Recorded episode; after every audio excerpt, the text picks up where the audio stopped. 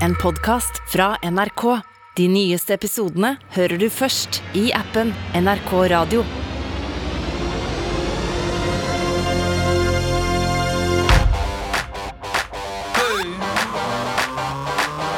Popkorn over politikk med Sean Henrik Matheson og Gjermund Stenberg Eriksen.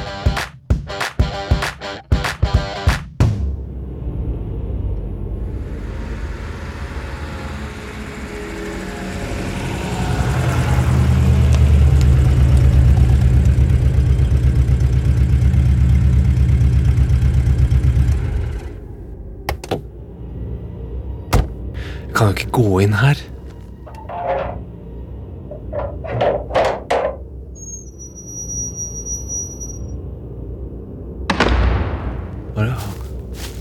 Hallo? Jeg får ringe.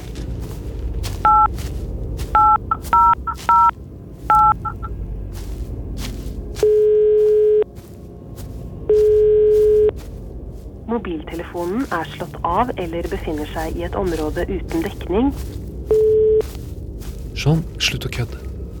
Seks stykken som er døde, og du skulle være her.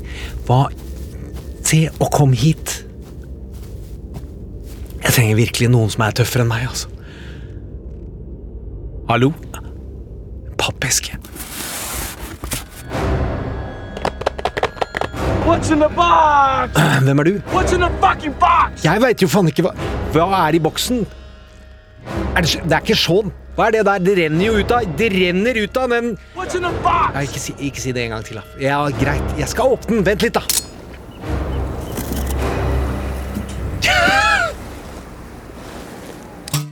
Hanne Skartveit, Hallo? politisk redaktør i VG. Hvordan går det? Dette hadde du ikke trodd. Nei, det går Nei. kjempebra. Nei, jeg har sovet veldig dårlig, men jeg tror vi er inne i en sånn Seven-fortelling. Eh, du kan jo høre hva Morgan Morgan, can you just say uh, your thing? There are seven deadly sins, Captain gluttony, greed, sloth, wrath, pride, lust, and envy. Seven. You can expect five more of these. Ja, men ve- eh, ve- det passer veldig bra at du kommer av mange grunner. Jeg finner ikke Sofie og ikke Sean, eh, så du er da superduper reserve. I Avengers-land så er du da eh, den delen av filmen hvor Thor og Hulk kommer og bare rydder unna. Dette er veldig smigra av, Gjermund. Jeg må si det. Tusen takk for at jeg får være med. Ja, det, det skulle bare mangle. De som har uh, hørt oss tidligere i Trump om verden, så har vi hatt lange intervjuer. Gå og finn der uh, om uh, våre enigheter og uenigheter. Uansett, i dag så skal det handle litt om Finchers verden, og derfor hadde vi denne Seven-inndelinga. Men Fight Club, den filmen har ikke du sett. Nei, vet du at Jeg tåler veldig dårlig sånn vold på film, og da du nevnte den for meg, så tenkte jeg at den skal jeg i hvert fall ikke se. Jeg har sett traileren, og det var i grunnen mer enn nok. Ja, det skjønte jeg, for jeg skrev til deg Jeg så den den kvelden, og så skrev jeg til deg dagen etter at du må ikke se den, altså. For du spurte om den var voldelig, og jeg hadde glemt hvor voldelig den var. Du hadde fortrengt det, tenker jeg. Ja, men det mener jo jeg er en av de viktigste filmene som har vært lagd, eh, og veldig høyt oppe på de ratingene over hvilke filmer folk flest mener er best i verden. Eh, Og det er fordi at den ga var uttrykk for 90-tallskulturen. Og eh, du har sett Matrix? Ja. ja. Og har du sett eh, American Beauty? Jeg har sett deler av den, men da var jeg sammen med en på kinoen som gikk. For at det ble for mye. I American Beauty med Kevin Spacey? Ja. Jøss, da har den han lav terskel for hva, som, hva han tåler. Men uansett Kan vi si hen? Det får vi si hen, ja. Skjønner. Uansett, disse filmene kom samme år, og var på mange måter uttrykk for 90-tallskulturen på ulikt vis. Rage. Ja, og den eh, innerstengte mannlige sinnet, eh, der jeg syns tross alt Matrix ikke har den reneste formen, men det er jo en måte en fantasiverden han åpner opp i. Men i Fight Club så er det både en uttrykk for kulturen, og så former den den framtidige kulturen. Det handler om identitet. Altså hvordan menn opplevde seg selv trua, og sin maskulinitet som trua, og hvordan det ble kanalisert inn i aggresjon, og hvordan det skapte en subkultur inne i filmfortellingen. Og den radikaliseringen de gjennomgår, som ender i vold og terror. Og så skal vi snakke om hyggelige ting. Litt det òg. Men det er i hvert fall en ting som du har ment og kan mye om, og som jeg tror også kan være interessant. Vi får Lasse Josefsson på besøk. Uh, har du møtt han? Jeg har ikke møtt han. Jeg har lest om han. Ja, nettopp. Du får bli med og høre og snakke litt med han eh, om hvordan, hva han tenker å gjøre.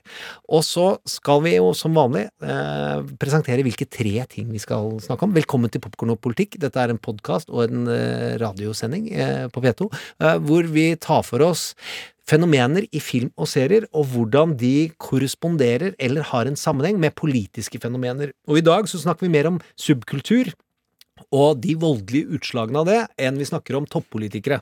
Og vi skal ikke bare være i USA, vi skal også til Tyskland. Og så skal vi etterpå til Virginia og snakke om Bidens uh, siste uke, hvor de Alt går ikke helt på stell. Nei, det går ikke så bra. Nei. Uh, hva syns du, før vi begynner der, hva er din utenfor USA, hva er din go to utenrikspolitiske utfordring? Kina. Og vil du, hva vil du trekke fram der nå, akkurat nå om dagen? Ja, det er jo spenningen rundt Taiwan, selvfølgelig. Og så er det hele det store bildet med overvåkingssamfunn, teknologisk lederskap som gjør at de setter liksom de etiske standardene for kunstig intelligens, andre ting. Nei, det er veldig mye med Kina. Jeg er faktisk innmari bekymra.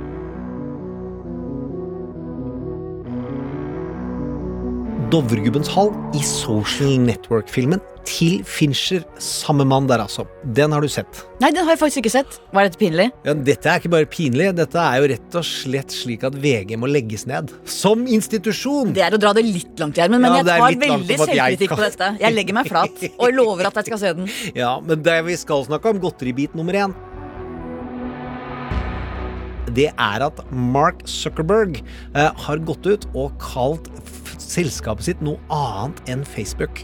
Eh, og da er det viktig å spille en liten scene, eh, åpningsscenen til Social Network, som du kan ta med og se Jo, sammen så med mannen din. unnskyld, jeg har jo sett Social Network om hele Facebook. Ja, ja, ja. Og der er det en åpningsscene på en bar, det er en kafé, hvor han drikker øl med en jente som, Som blir veldig sur. Som blir veldig sur, og la oss høre her. You're gonna go through life thinking that girls don't like you because you're a nerd. And I want you to know from the bottom of my heart that that won't be true. It'll be because you're an asshole. Ja, et asshole der, altså. Eh, Jeg har jo ment at Facebook er stort, omfattende og truende, eh, og samfunnsinngripende tvers over hele verden, og nå har han lagd navnet på selskapet sitt til noe annet enn Facebook, og så vil Facebook hete Facebook, der vi henger, og vi har en, det vi vil kalle, en gruppe som slåss mot Facebook på Facebook. Men det han har kalt selskapet Meta. Først, Anne, hva syns du om navnet, og hva syns du om Facebook som globalt politisk fenomen? Eh, Det er jo blitt et imperium, større enn de store verdensomspennende imperier, Storbritannia og alle disse i gamle dager. Eh, To milliarder pluss brukere, hvis ikke jeg Ja, husker helt to milliarder pluss brukere, eh, som har enorm innflytelse i livet vårt. Og disse nye planene om dette meta-universet som de nå planlegger, at de skal ta en enda større del av vårt liv og liksom dra oss enda lenger inn med kunstig intelligens og alt dette andre. Virtuell virkelighet. Virtuell virkelighet. Jeg må si at jeg syns det er ganske skummelt. Syns du norske redaktører og norske maktmennesker har vært flinke nok til å synliggjøre den trusselen Facebook er overfor vanlige innbyggere? Eh, nei. Litt det, Og har jeg gått på journalistisk kurs hvor jeg lærer meg å stille nøytrale spørsmål? nei, det har du ikke gjort. det er helt åpenbart. Ja, det, det har er jeg enig i. Den, den tar jeg tilbake. Men la oss heller si, hva kunne det vært gjort tidligere, sånn slik du ser det, da? kunne vært gjort veldig mye. For det første så betaler de jo ikke skatt til Norge. Det er nå én bit Ja. av det. Men så er det også hvordan de virker. Hvordan særlig vil jeg si NRK, her vi nå sitter, har vært helt ukritiske på å legge ut alt mulig på Facebook og bygget den plattformen. Vi andre har også gjort det. VG vil jeg si i mindre grad. Mhm. Særlig NRK. Jeg følger begge, så det, jeg tror vi kan si likt for likt her, men greit. Men det er klart at eh, Facebook kom jo litt snikende, kan vi si det. Ingen ante, selv ikke Mark Zuckerberg, ante hva det kom til å bli da det begynte. Og så har det bare vokst som et sånt eh, monster. Og blitt større og større og fått større og større del. Politisk, du har et land som Myanmar, hvor folk tror at nyhetene er Facebook. Og hvor du, kan- det har ført til folkemord, det har ført til ikke sant, folk har hissa hverandre opp. Det har vært, særlig i en del tredje verden-land, hatt en veldig uheldig innflytelse. 13% av brukerne til Facebook bor i USA. 90% av ressursene Facebook bruker på å passe på å ikke spre hatspråk og konflikter og slikt, brukes Altså 90% av pengene og investeringene brukes på de 13% og resten av verden bruker de da 10% av sine utgifter på. De har promotert seg selv i Myanmar, nemlig gjort seg til et diktaturverktøy overfor befolkningen, og de sprer internett med Facebook integrert, slik at de har kontroll på de nye landene, eh, som også er ganske skremmende. Og hvis vi bare tenker på det metanivået han prøver å innføre, så er det mye man kan si om Mark Zuckerberg, men han er ikke dum. Han prøvde å kapitalisere på våre sosiale relasjoner før, og nå skal han ha hele vår aktivitet, all vår tid, og at vi skal bruke Facebook i filteret mellom hva vi gjør privat og jobb, og vi behøver ikke gå ut av huset. Han beskriver i sin framlegging hvordan vi skal oppleve det å gå på jobb uten å gå på jobb. Det å møte mennesker uten å møte mennesker, og det er det han vil eie. Jeg tror jeg syns det er så creepy. At han tror dette var lurt å komme med den uka hvor han har blitt tatt for det han har blitt tatt for nå, og hvor det har vært høringer i USA, i England, og det kommer til å være i det europeiske parlamentet, og det har oppstått et konsortium av medier som da, ut fra Wall Street Journal sine avsløringer, hvor eh, man begynner å samarbeide bare Mark. Og da kan vi huske på setningen som sies i den filmen du egentlig husker at du har sett. Ja. Have your full and undivided attention, Mark. Og nå tror jeg han har det.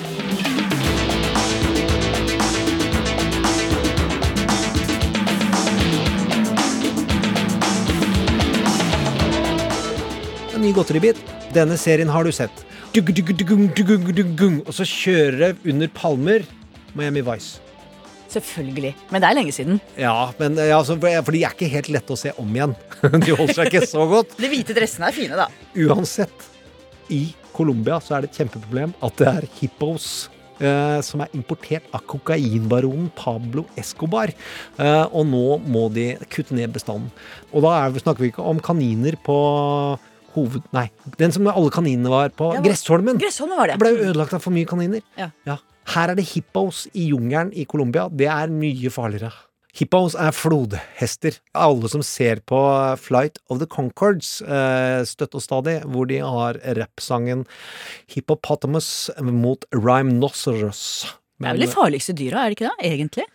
Det er det som dreper aktivt flest mennesker. Og så har du, du har den indiske snoken som ligger i åkeren, men den gjør du ikke frivillig. Og så har du den uh, mararieflua som er foran der. Og så har jeg sønner som spør hvilket dyr dreper mest, pappa, og derfor kan jeg sånn Ja, for dette var imponerende, syns jeg. Ja, det er- Imponerende fun fact. Det tror jeg vi fant fram til hele min zoologiske kunnskapsbase, og den er vi da ferdig med.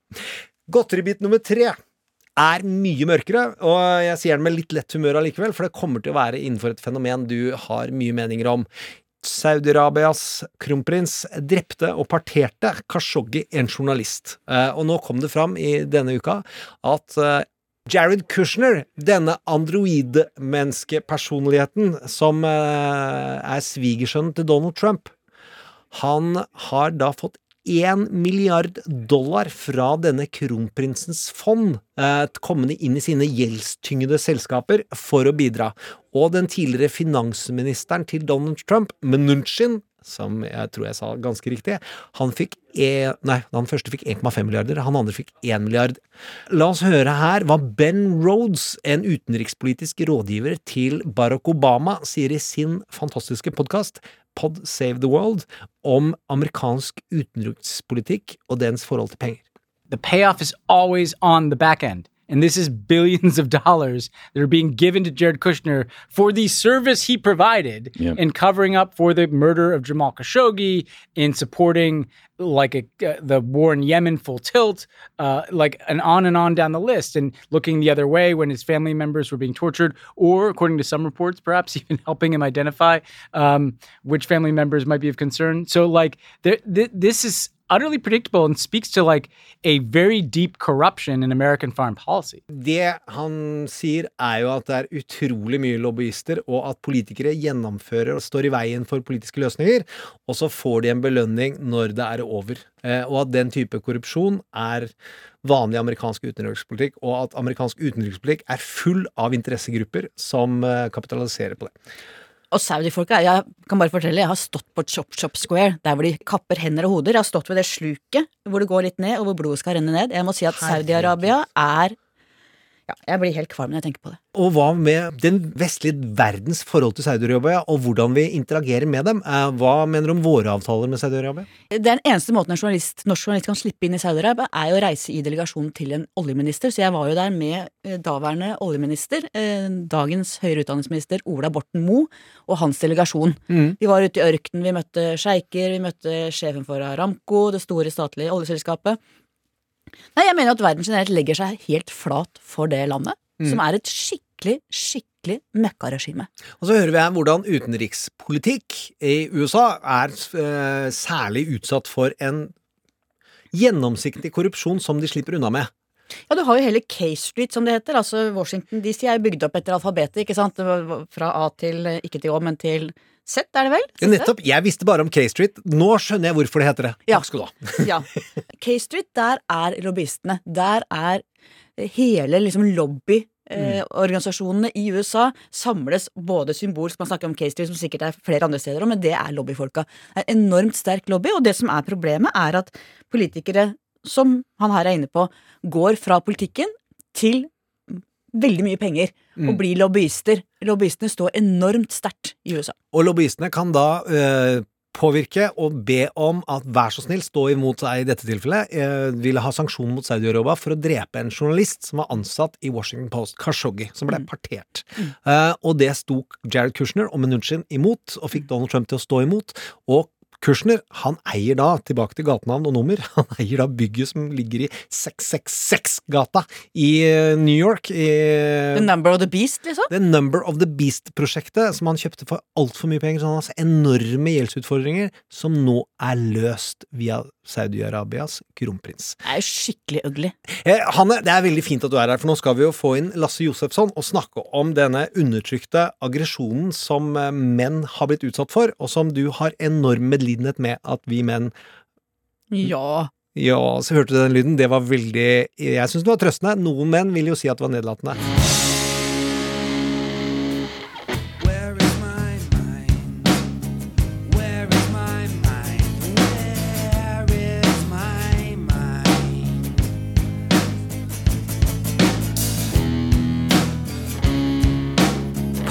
Og politikk.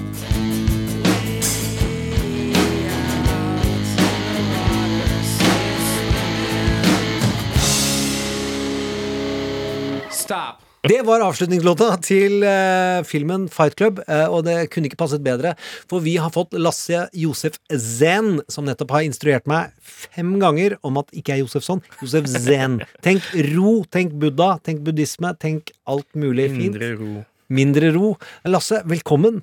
Takk skal du ha. Men uh, hvor er Hanne Skartveit, da? Gjermund? Hun kom, kommer tilbake og henter kaffe til deg og meg. Okay. Du har fulgt høyre radikaliseringsprosesser og høyreekstremisme i utrolig mange år, eh, og du har eh, jobber nå med en bok som beskriver incel-kulturen, som er én type mannlig selvradikalisering. Jeg møtte deg egentlig ikke fysisk før for to år siden, tror jeg, i research til serien jeg har laga, Furia. Men før det så hørte jeg på podkasten Skravleklassen, hvor du sa hvis man skal forstå radikalisering på nett, så må man lese boka Kill All Normies. Og det gjorde jeg, eh, både én og to ganger, fordi den var utrolig bra. Kan ikke du fortelle hva den boka eh, fanger?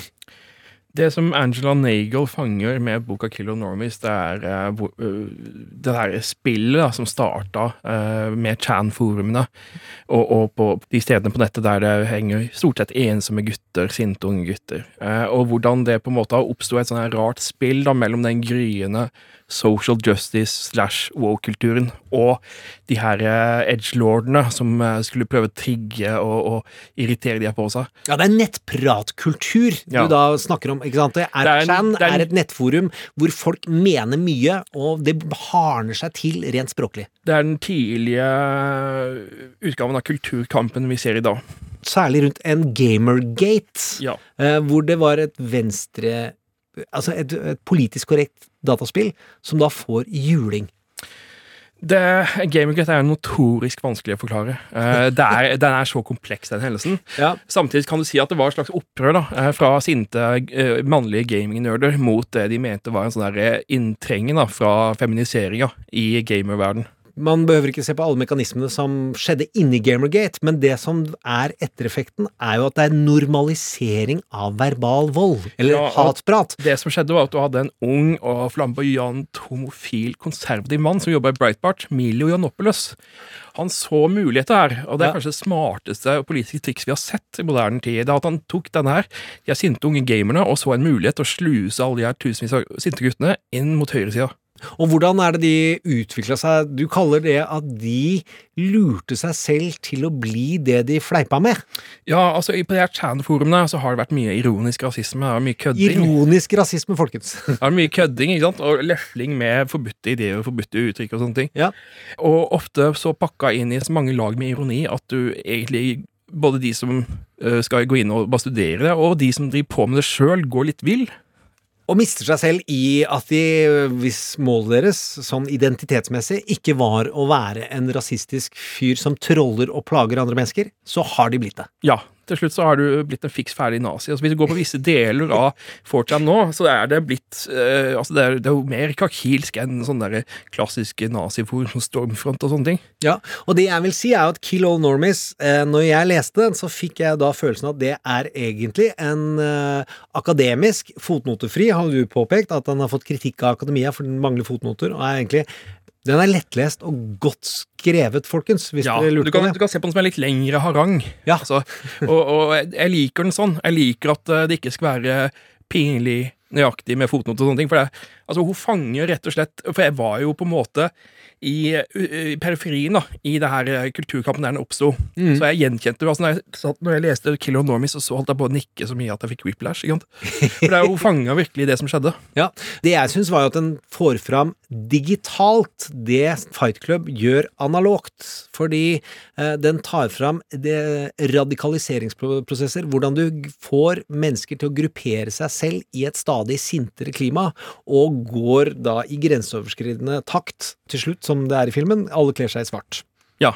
Den prosessen du får se i Fight Club, fra det går til eh, liksom, den der, de her eh, suburban-mennene, de hvite mennene, de middelklassemennene, som, som begynner å, å prøve å finne dyr i seg sjøl, og prøve å finne autentisk i seg sjøl. Mm. Eh, og hvordan det hele eh, bare eskalerer til, til slutt at de blir rett og slett terrorister. Ja. Altså, den er, den er ganske fiks. Den syns jeg er veldig fin. Det er ikke, det er ikke nødvendigvis realistisk i den forstand at du kan kjenne igjen alt som er der, men den fanger virkelig hva som foregår i sinnet til en viss eh, gruppe menn. Du har vært med i mange podkaster, du er med i mange intervjuer om høyreradikale krefter, både i Europa og USA. Eh, Du er ikke høyreradikal, eller har ikke blitt det, men du har vært en del av nettkultur. Ja. eh, Av hard nettkultur. Og la oss først da ta Hvordan er det du opplever at mainstream tok imot Fight Club i sin tid? Nei, altså Mainstreamen skjønte ikke helt hva det var de så i begynnelsen. Faktisk, Fight Club var jo en slags flopp i begynnelsen. Den hadde ikke så mange seere, men så ble den saget med sikkert en kultklassiker. Ja. Uh, og i ettertid så har den jo blitt stående som uh, en film som faktisk treffer noe veldig essensielt da ved vår tidsånd. No, noe mørkt og noe stygt. Eh, og som vi kanskje ikke ser rekkevidden av helt før nå. Nei, det vil jo jeg si. Det er derfor vi nærmest sitter her i dag. Ja. Men hvordan er det høyreekstreme grupper og høyreekstreme mennesker på nett ser på Fight Club i dag? De har tatt den til seg. Det er jo som, som er mange andre filmer eh, og, og ting som de stjeler fra, for det her er popkulturelle åtseletere på mange måter. Popkulturelle åtselsetere. Eh, TM, eh, Lasse Josef Zen. Ja, og, og de, de rapper og tar fra hva de, de vil, da. De kommer fra en remix-kultur på nettet, der du kan sette sammen et lappeteppe av, av din egen spiritualitet og din egen personlighet. Så for de så var ikke Tyler Durden, han derre uh, Brad Pitt sin Brad Pitts karakter i Fight Club, han var ikke en advarsel for de, han, s- traff noe rett i hjertet hos dem. Ja, for Opprinnelig var jo dette en film som advarte mot hva mannlig aggresjon kan føre til. og I ytterste konsekvens kan det ende i vold og terrorisme. Og så omfavner de det og sier sånn eh, nærmest som om det er eh, den apokalypsen som blir lovet i fortellingen, den har de begynt å omslutte seg. Ja, og, og Chuck Palahniuk, han som skrev boka, han har jo på en måte omfavna litt det her eh, med, med at de høyreekstreme er, er interessert i det. Han er, er jo venn med eksempel min, min tidligere venn Jim Goad, som er på en måte ledestjerne for, for alt-right-bevegelsen, og han er venn med Jack Donovan, som også har en slags fight club-kultur i seg. Hvilken rolle hadde Jim Goad tidlig? Altså, hva er det han som er og, øh, Hvilken del av alt-right-bevegelsen er det han uh, Jim Goad kan ses på som en proto-alt-righter, i den forstand han skrev en bok som heter Redneck Manifesto i 1997. En veldig kjent bok som øh, er, er sett på som alt-rights bibel. Ja, og, og på en måte kan si at eh, i, i den boka så spår han eh, nettopp det her med, eh, som skjer nå i USA. Mm. Altså Han skriver om at hvis du fortsetter å ignorere de som amerikanerne som bor i det som kalles flyover country, alt Mm. som er mellom New York og LA, så vil de politiseres på måter som vil få deg til å vri deg i stolen. Når, når alt-right-revolusjonen skjedde, og Trump og alt det her, eh, og hele magakulturen kom, så var det mange som ringte til Jim for å finne ut av hva, hva, hva det her dreier seg om. Men ja, Jim det har var jo- nettvenn av deg. ja, og Jim har jo begynt å skrive for uh, Countercurrents, som er Greg Johnsons nettsted nå, så nå er han jo fullt inn i det her alt-right sjøl. Ja. Skal vi høre hva forfatteren selv sier, Panmachuk, fra podkasten til Rogan, eh, hvordan han omtaler effekten av Fight Club på kulturen? Uh, and it's not a nerve that gets hit very much, you know. And it, it, there's so many different aspects to it. And one is just my classic thing is that there are so few social model novels or stories for men. For for women, there are a you know every season. There's a new Joy Luck Club, a new How to Make an American Quilt, a new Traveling Sisterhood of the Yayaha Pants, whatever. Just all these different models in which women can come together and talk about their lives. And if you're a man, you've got either Fight Club or you have the Dead Poet Society. And that is really it.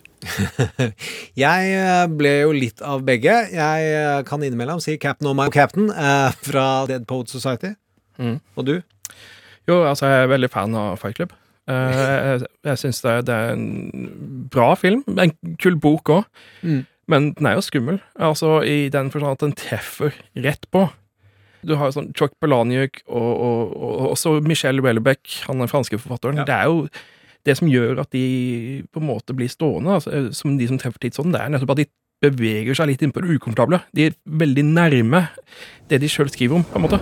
God damn it, an entire generation pumping gas, waiting tables, slaves with white collars. Advertising has us chasing cars and clothes, working jobs we hate so we can buy shit we don't need. We're the middle children of history, man. No purpose or place. We have no great war, no great depression. Our great war is a spiritual war. Our great depression is our lives. We've all been raised on television to believe that one day we'd all be millionaires and movie gods and rock stars, but we won't. We're slowly learning that fact. And we're very, very pissed off. Begge er en kritikk av konsumerismen og 90-tallsreklametrøkket, hvor vi ikke hadde nettreklame, men hvor TV-reklame var den viktigste påvirkningen. Det var det gjennom 2000-tallet tidlig også, mens nå er det jo nettet som har tatt over. Eh, Så vil jeg si at det har jo også hatt helt konkrete ettervirkninger, som det ordet snowflake. Det kommer jo, eh, som er hvordan man eh, Høyresiden omtaler woke, eller politisk korrekte mennesker, som jeg syns man ikke skal blande sammen. Det er vel klokkerein politisk korrekt person. Ja, det er denne som tror at de er spesielle, og tror at de er Altså, det er den sveklingen som tror at, det, at du kan få alle til å tie stille ved å gråte. Hør her. You are not special. You are not a beautiful or unique snowflake. You are the same decaying organic matter as everything else. Ja, som vi hører, snowflake-ordet kommer herfra. La oss da hoppe til dette eh, mannlige opprøret som vi så i år, nemlig stormingen av Capitol Hill.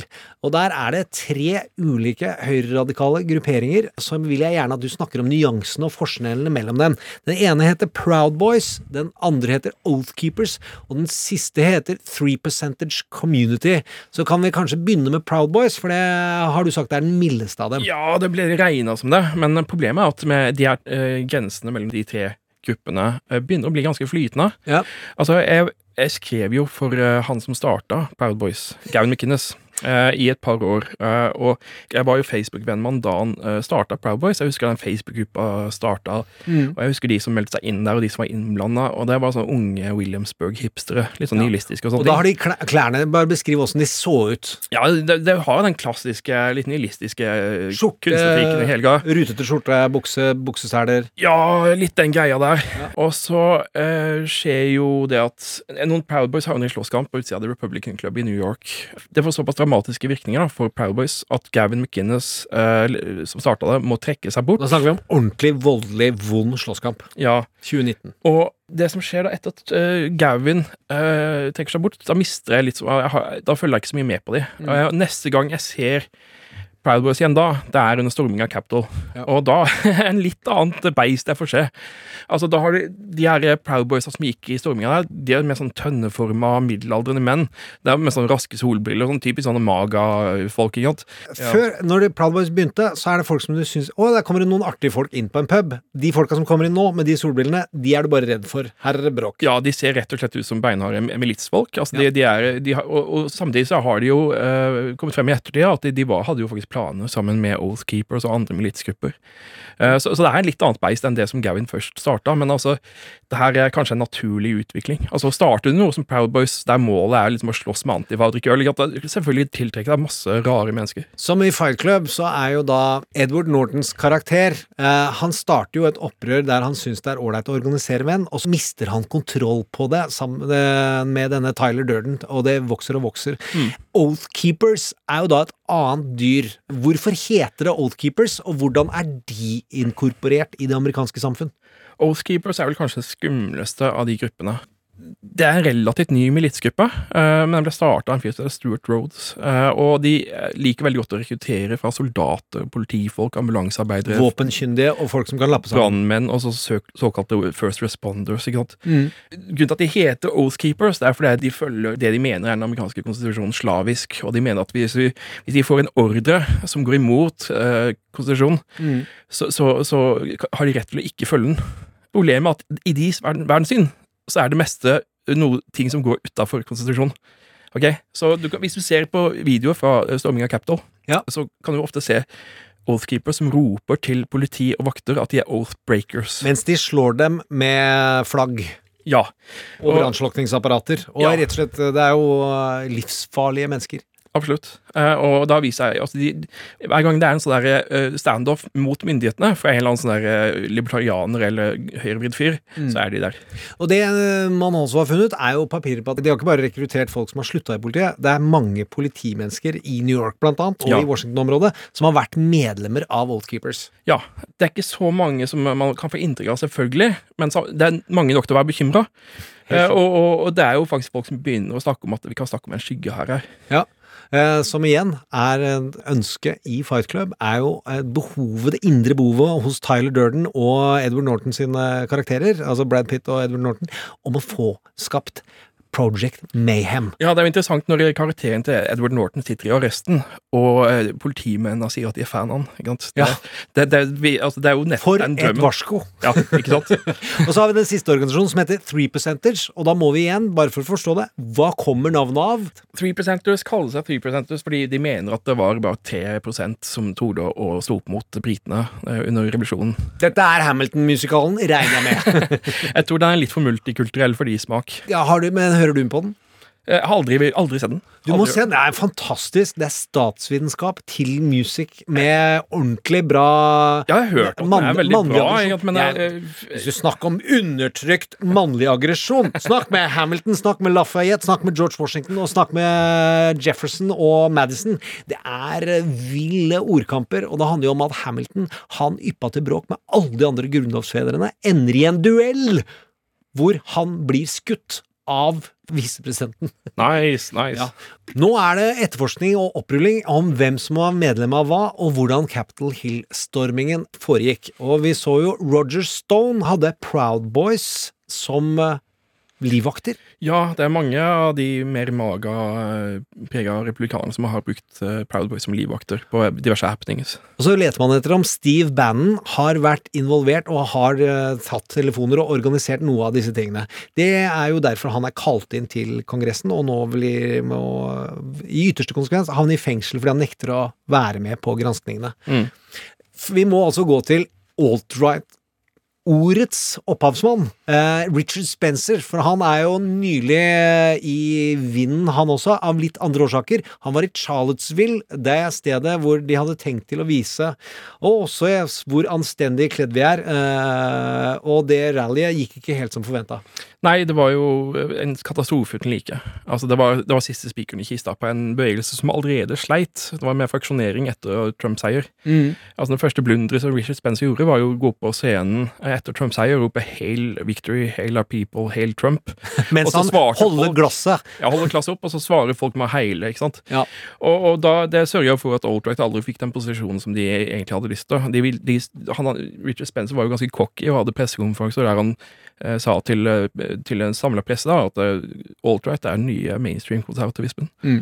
Og det, hvis du skal ha et indre bilde av uh, Richard Spencer, så se for deg uh, de to Hardygutten-brødrene kryssa med hverandre. Og det var liksom mediestrategien hans. Altså, virkelig bare gå kledd som Hardyguttene, Ja, ja. og være den fyren som svigermor ville ha, og så renner det hat ut av kjeften på han. Godt, litt sånn godt innpakka. Ja. I Charlottesville så endte jo det med at folk går og skriker 'Jews will not replace us', og en fyr som tar en bil og kjører inn i motdemonstrantene og dreper noen. Og nå skal vi høre her hvordan Richard Spencer har havnet i rettslige oppgjør, eh, og nå forsvarer seg selv. Og hva Rachel Maddow mener om at det kanskje kan være en liten hjertevarmer, nemlig at det ofte ikke er. Whatever else has happened in your life today, I bequeath you this little warm fuzziness to hold in your heart. The Nazis are representing themselves in court, acting as their own lawyers. That always works out great. Good for them. Couldn't happen to a nicer bunch. Uh, that one, Richard Spencer, is representing himself in court because his other lawyers stopped repping him when he stopped paying them. Another of the defendants lost his lawyers when they quit because he started spewing anti Semitic threats against one of the lawyers for the plaintiffs. Three of the defendants have managed to hold on to their lawyer, but their lawyer is a gentleman from Ohio who says he's representing the, these three clients out of the goodness of his heart because he agrees with them, because he himself wants to, quote, oppose Jewish influence in society. And so he has taken their case, and that's why. I'm sure he's going to be a great lawyer. Sounds like he's got mad skills, emphasis on mad. Rachel har ikke tro på å forsvare seg selv. Husker du uttrykket 'den som forsvarer seg selv, har en idioteklient og en Idiot som klient, ja. ja det er Det er noe i den duren. Uansett hvor blir- Uansett hvor uh, så ja. Hvor blir det av Hanne Skartveit? Hun kommer hvert øyeblikk. Okay. Det er Hun kommer. Eh, Vi skal til Europa, hvor du kan utrolig mange irrganger der også. No one knows what it's like to be the bad man, to be the sad man behind the blue eyes.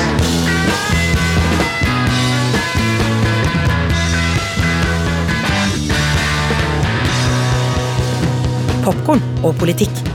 No one knows what it's like to be the bad man, be the sad man behind blue eyes. Da kommer vi fra det fantastiske bandet The Who, eh, som tok meg i hvert fall eh, 38 år før jeg så humoren i navnet. Eh, Og du har eh, knallblå øyne, Lasse. Det stemmer. Ja, du er snill innerst. Ung og arisk eksemplarisk, som et norsk band skrev en gang. Det er ganske mye norske band sang på 80-tallet som ikke går å si lenger. Ja, Den var ganske antinazistisk, så den tror jeg er ok. Greit, du er, la oss ha mer spennende musikksmak. Det var faktisk. Terje Embeland som sang den. Ja, han er ekstremistforsker. ikke sant, så... Ja, dette får stå seg. Uansett, jeg ble kjent med deg på mange ulike måter når jeg gjorde research til Furia, eh, og så fikk jeg lov til å komme inn i biblioteket ditt. Du var faktisk ikke hjemme. Jeg måtte gå, eh, låse deg inn. og skulle jeg låne bøker, for vi trengte å vise bøker i filmen, i serien. Fordi du har eh, både bøker om høyreekstremisme, og så har du bøkene skrevet av høyreekstremister. Og for å ikke da sende mer penger til høyreekstremister, så fikk vi gå inn og vise fram de ulike bøkene. Nå skal vi snakke om europeisk høyreradikale som noe annet enn alt-right. De kalte seg, når de prøvde med den samme renselsesprosessen som Richard Spencer gjorde, eh, så kalte de seg Nouveau droite, nye høyre. Og så har man en fransk fraksjon, som du kan mye mer om enn meg, og en tysk fraksjon som også har mange ulike irrganger ved seg, og hvor de tok tak i dette ordet identitær. Ja. Eh, fortell om det. Nei, så kan, Identitærbevegelsen har røtter fra 60-tallet. Mm. Eh, samtidig med studentopprøret i 68 og sånne ting, så hadde jo eh, sånn reaksjonær motkultur, som, er, som på mange måter ble starta av folk som Alain de Benoit eh, og, og, og Guillaume Fay. Mm. Og de kalte Nouvelle Droit, altså eh, det nye høyre det var en intellektualisering da, og en eh, finere innbakning av god, klassisk fascisme. Ja, Men hvor du eh, i Fight Club fikk en aggresjon mot eh, konsumerismen og ikke hadde farge på opprøret, så skjedde det noe med kontrajihadismen. Altså den frykten for muslimer ble utnytta ganske bra kraftig av denne bevegelsen. Ja, jeg tror det var i 2000 etter 11. september så kom denne kontrajihadismen vokste som et uvær. Ja, og etter hvert så kom denne identitærbevegelsen, og de slo for alvor igjennom, da. Eh, når de kom med en video som heter Declaration of War, som er en ganske godt laga video. Det er jo sånn svart-hvitt, og du ser unge franskmenn som stirrer inn i kamera og forteller sine bekymringer på landets vegne, og, på, på bekymringer for seg sjøl i, i møte med multikulturen. Det er en veldig effektiv video. Eh, den lagde et stort plask når den kom. Jo, Og den ligner noe på Fight Club-estetikken i forhold til å være bekjennende. Den ser i kamera, den har noen Det er, det er innklipp der av hvordan flagg heises og sånn, er det ikke det? Definitivt. Ja. Altså, det er noe De går opp på triumfbuden. Det her er noe vi ser i alle former for ekstremisme nå. Det at Ja. de, tar, de har lært alle triksa fra reklamebransjen. De har lært seg videoredigering og hele pakka der. Sorry. Så ikke at du har jo IS som lager helt sånn perfekt lyshatte henrettelsesvideoer og sånne ting. Ja.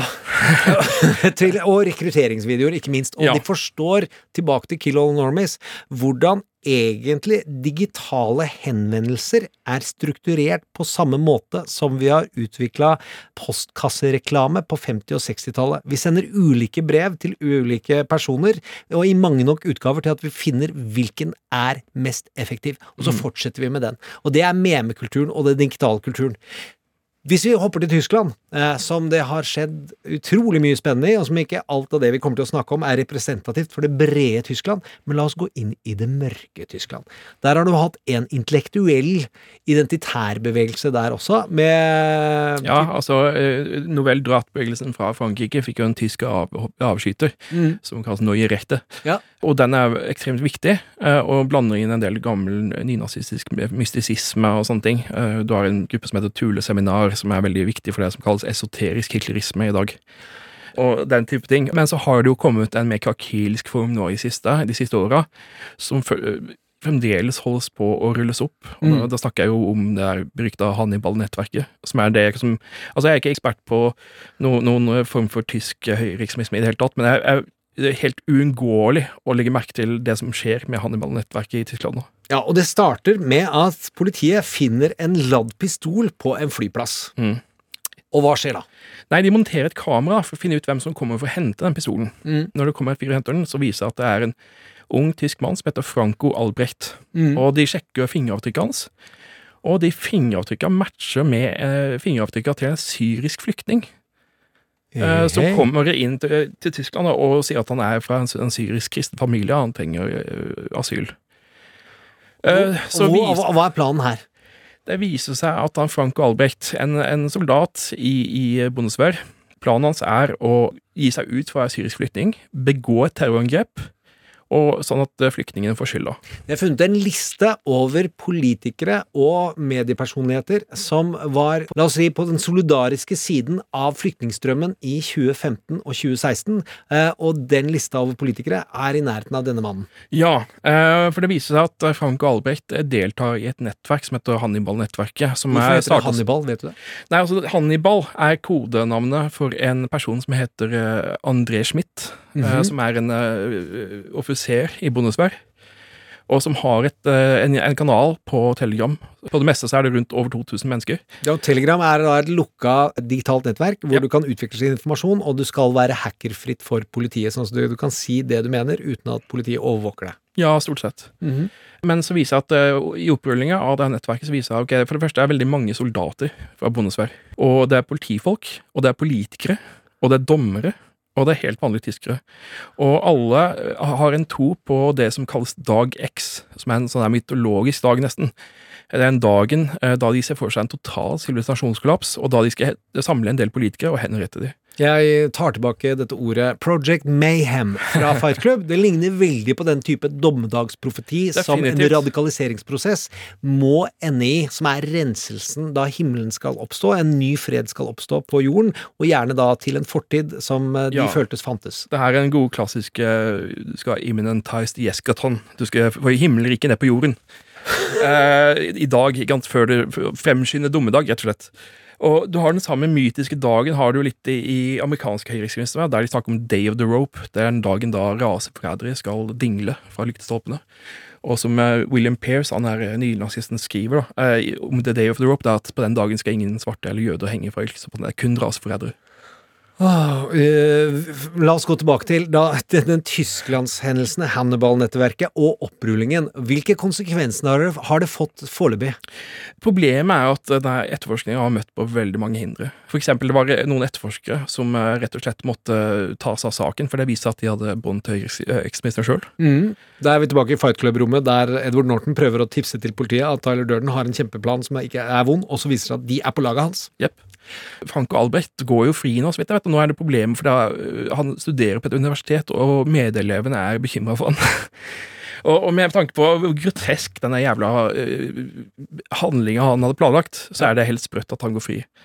Uh, og det er, viser seg vel, veldig vanskelig uh, å i hele tatt komme til bunns i der. Litt med tysk lovgivning som gjør at eh, det blir vanskelig å gå inn i, i det greiene. Og, og så er det også det at det viser seg at eh, du kan nesten stole på noen. Her vet jeg i hvert fall en del ting, og det er jo at eh, tysk overvåkningspoliti har utrolige begrensninger for hva som er deres muligheter til å drive med sikkerhetsarbeid og sikkerhetsovervåkning av egne innbyggere, fordi det funka ikke så bra. Ja, så har det noe med å gjøre at, eh, 30 og 45. Veldig Eh, mange av de her eh, folka som blir etterforska, er jo også med i det som Det er reservister, altså det som er en slags heimevern. da. I, og når de ikke er i tjeneste, så kan du ikke gå inn på samme måte som du ville gjort med hvis de var i tjeneste. Ja. Så det har vært store problemer faktisk med å opprulle der. Og så tar det tid pga. tyske rettslige prosesser, og at det er delt opp i en god del delstater som har begrensninger i hvordan de kan samarbeide, fordi det er det å radikalisere en hel befolkning. Har de som Men så er det, det er såpass mange mennesker det er snakk om òg. Men en av de beste vitnene er jo uh, en prostituert jente som mm. ble fløyet inn til en avskjedsfest. Det var en som skulle slutte i den der avdelinga.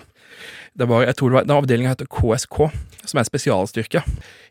He, en hel avdeling fra KSK måtte oppløses, for den var faktisk så gjennomsyra av nynazister. Mm. Men uh, hun prostituerte Det var en som skulle slutte i den avdelinga, og de hadde en fest for han som ble kalt uh, Schweinkopf-party. Uh, grisehodefesten, fordi de der kasta rundt med grisehodet.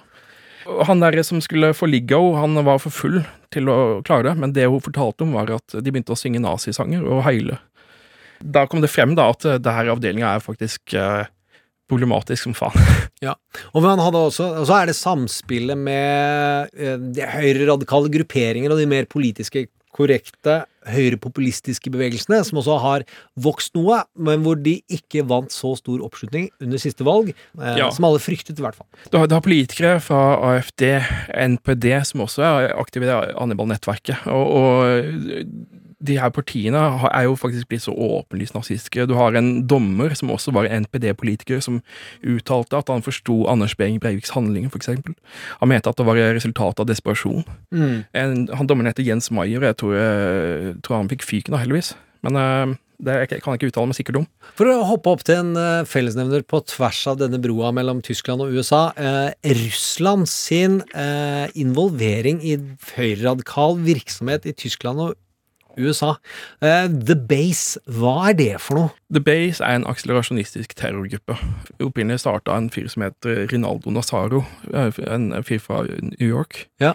som bor i St. Petersburg i dag. Ja. Uh, og The Base var egentlig ikke ment som en naziorganisasjon, det var ment som et sånn slags networking Uh, hub, uh, der du skulle pare forskjellige Mm. nazister da, fra lokale områder og gå ut i skogen med de og drive med survivalism og sånne ting. Mm. Men så uh, viste at det her det trakk jo til seg de mest kakilske folka, og det har vært uh, terrorplaner, og det er blitt uh, rulla opp mye av det. Og, men så er det jo han der mystiske Rinaldo Nazario, da, eller Roman Spear og Norman Wolf, som han kaller seg på sosiale medier. Han bor jo i St. Petersburg. Han har jobba som sikkerhetsekspert for eh, amerikansk etterretning og sånne ting. Uh, så han, han er en veldig dodgy fyr, men han har dukka opp igjen nå. Eh, Med en ny video eh, på eh, sosialt medie, jeg skal ikke si hvilket, der han faktisk parer konseptet akselerasjonisme med Dag X. Så det her er en forsøk på å bonde mellom de to konseptene. Og bare for å dra det hele i mål i forhold til Fight Club, og hva slags type terror høyreekstremisme i ytterste konsekvens peker på nå om dagen, akselerasjonisme, hva er det, og hvordan skiller det seg fra den type soloterrorisme, ord og kategorisering som han drev med tidligere? Nei, altså, uh, akselerasjonisme, det som er forskjellen på det og klassisk nynazisme, er at det klassiske nynazister de prøver i fall å late som om de vil spille politikk og Ja. vinne, vinne folkets gunst. Ja.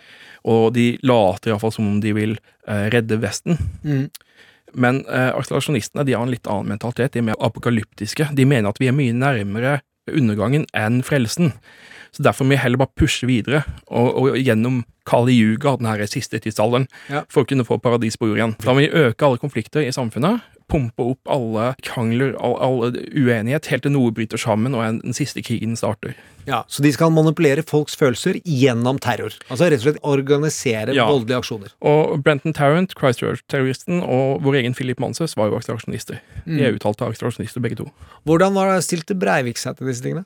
Eh, Breivik er en slags proto-akselerasjonist. Han eh, sier jo sjøl at eh, målet hans var jo faktisk å vippe folk ned fra gjerdet. Altså mm. relativt moderate kulturkonservative kan ikke lenger nøye seg med å drive med politikk. De, de, de må radikaliseres. Og det var et av målene hans var jo at han skulle gjøre ting mye vanskeligere for eh, vanlige kontradidister.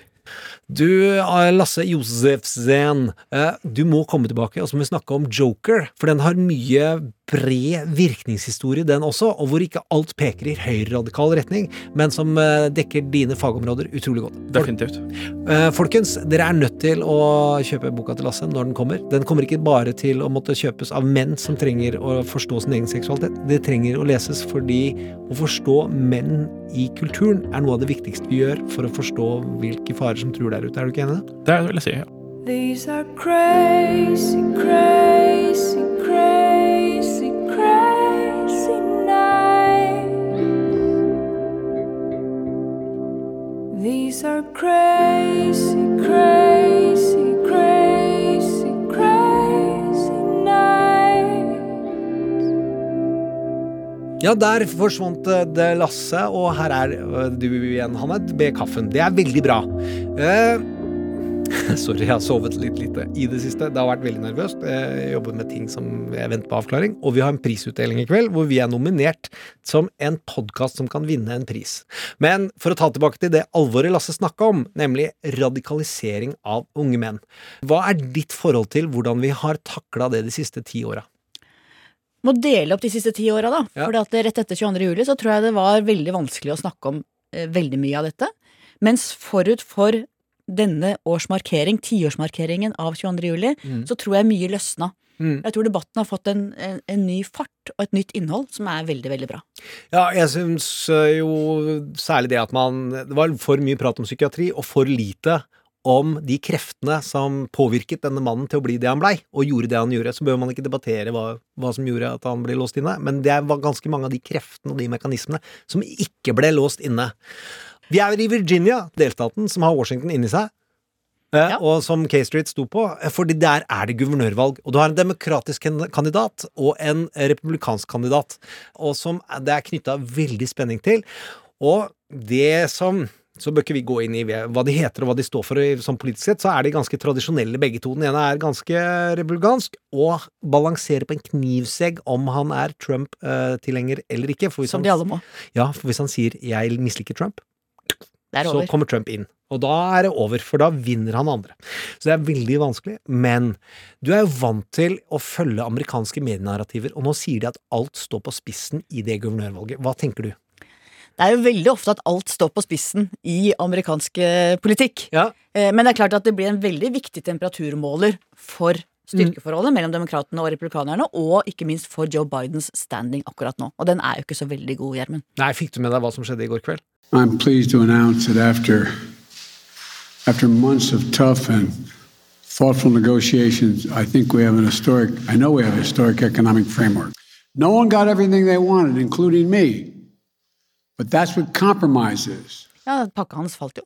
To pakker. Den ene er jo infrastrukturpakka, som er, har støtte fra begge partiene, og så har du Build Back Better-pakka, som er pruta ned fra 3,6 milliarder billioner dollar, ikke ring.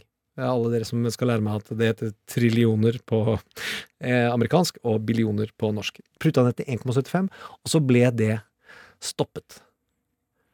Det er jo dramatisk. Han skal jo nettopp rebuild, build back better. Det er jo en masse å ta tak i i USA. Hvis du går tilbake Snakka med Carl Rove da jeg var der borte sist, Mm. som eh, pekte veldig mye av Trumps seier tilbake til 2008-finanskrisa, Mm. hvor Main Street, vanlige folk, betalte en veldig, veldig høy pris, mens Wall Street, bankene, slapp lett unna. Mm. Og det å på en måte ha sosiale ytelser, bygge velferdsgoder, eh, det tror jeg er ganske viktig for å gjenreise tilliten i det amerikanske samfunn, som har falt veldig dramatisk. Og derfor har disse pakkene vært viktige for Joe Biden, og derfor er det veldig ille for han at de faller. Og Carl Rove er jo da strategen til George Bush. eh, Bush sin hjerne var det mange som sa. Bush, ja, som eh, ettertiden har justert til at han var mer enn det. Men han er i hvert fall utrolig god til å lese eh, temperaturene på den siden. Eh, og du husker jo godt 2008 til 2010. Den stemninga i Det demokratiske partiet. Ser du den parallellen mellom Obamas enorme kamp for å få gjennom helsereformen, kjempestor og altomfattende, og så var det én senator, husker du hva han het? Joe Lieberman. Alt falt av Obamas som skulle være en mye større helsereform, og så ble det en ganske mye mer republikansk helsereform som var mye tyngre å få gjennom, og så tapte de så de sang. Ser du den samme stemninga i denne prosessen her? Ja, og det er jo på en måte regelen at eh, presidentpartiet taper mellomvalget. Og det er klart med det politiske klimaet vi har nå, som blir mer og mer polarisert, hvor det er null vilje til å bygge broer, Mm. så er det enda mer alvorlig, for da blir det fryktelig mye vanskeligere å få ting gjennom Kongressen. Da blir det vil det låse seg mer og mer gjennom de neste fire åra, kanskje til og med neste åtte åra. Guvernørvalget er nå på tirsdag, så er det enten panikk eller eh, mild frustrasjon på demokratisk side. Vi venter i spenning. Det har vært det som kalles statistical tie, selv om den demokratiske kandidaten har leda med 3% liksom fra mars til ut september. Nå har det dratt seg til. Det drar seg alltid til, det står alltid på spissen, og det er jo det som gjør amerikansk politikk ekstremt vannbane. Breathe and stop for real. Give it what you got, just uh. Breathe and stop for real. Give it what you got, just uh. Breathe and stop for real. Give it what you got. If it on the block, keep making it hot. And if it what you got, you keep making it hot. Uh, uh. Popkorn og politikk. Det kom ut, kommer ut en bok nå av han som spiller i Succession. Og i Succession spiller han den store faren, som er en patriark, som er utrolig herskesyk. Eh, og nå har han gitt ut en bok hvor han sier ganske passe ting om eh, skuespillerkolleger.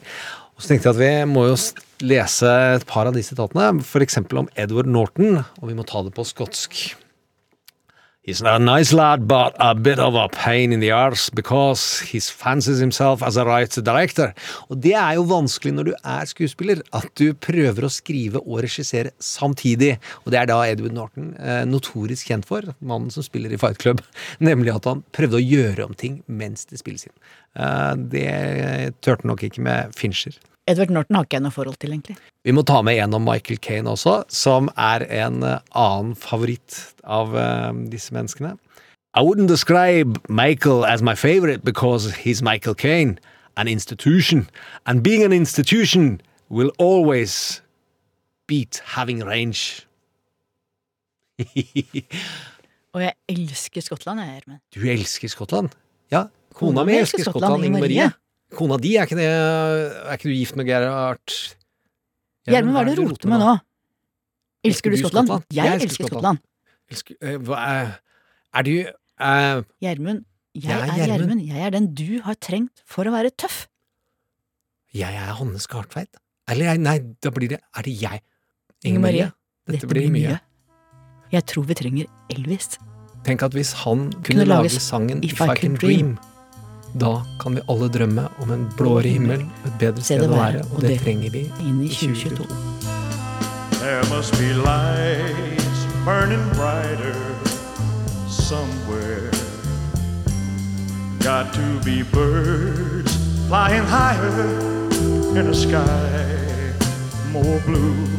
If I can dream of a better land where all my brothers walk hand in hand, tell me why. Oh, why?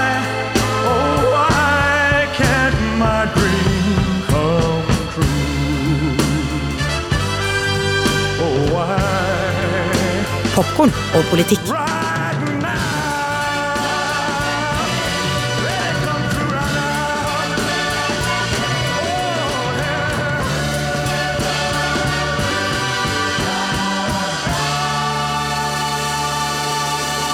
Du har hørt en podkast fra NRK. De nyeste episodene og alle radiokanalene hører du først i appen NRK Radio.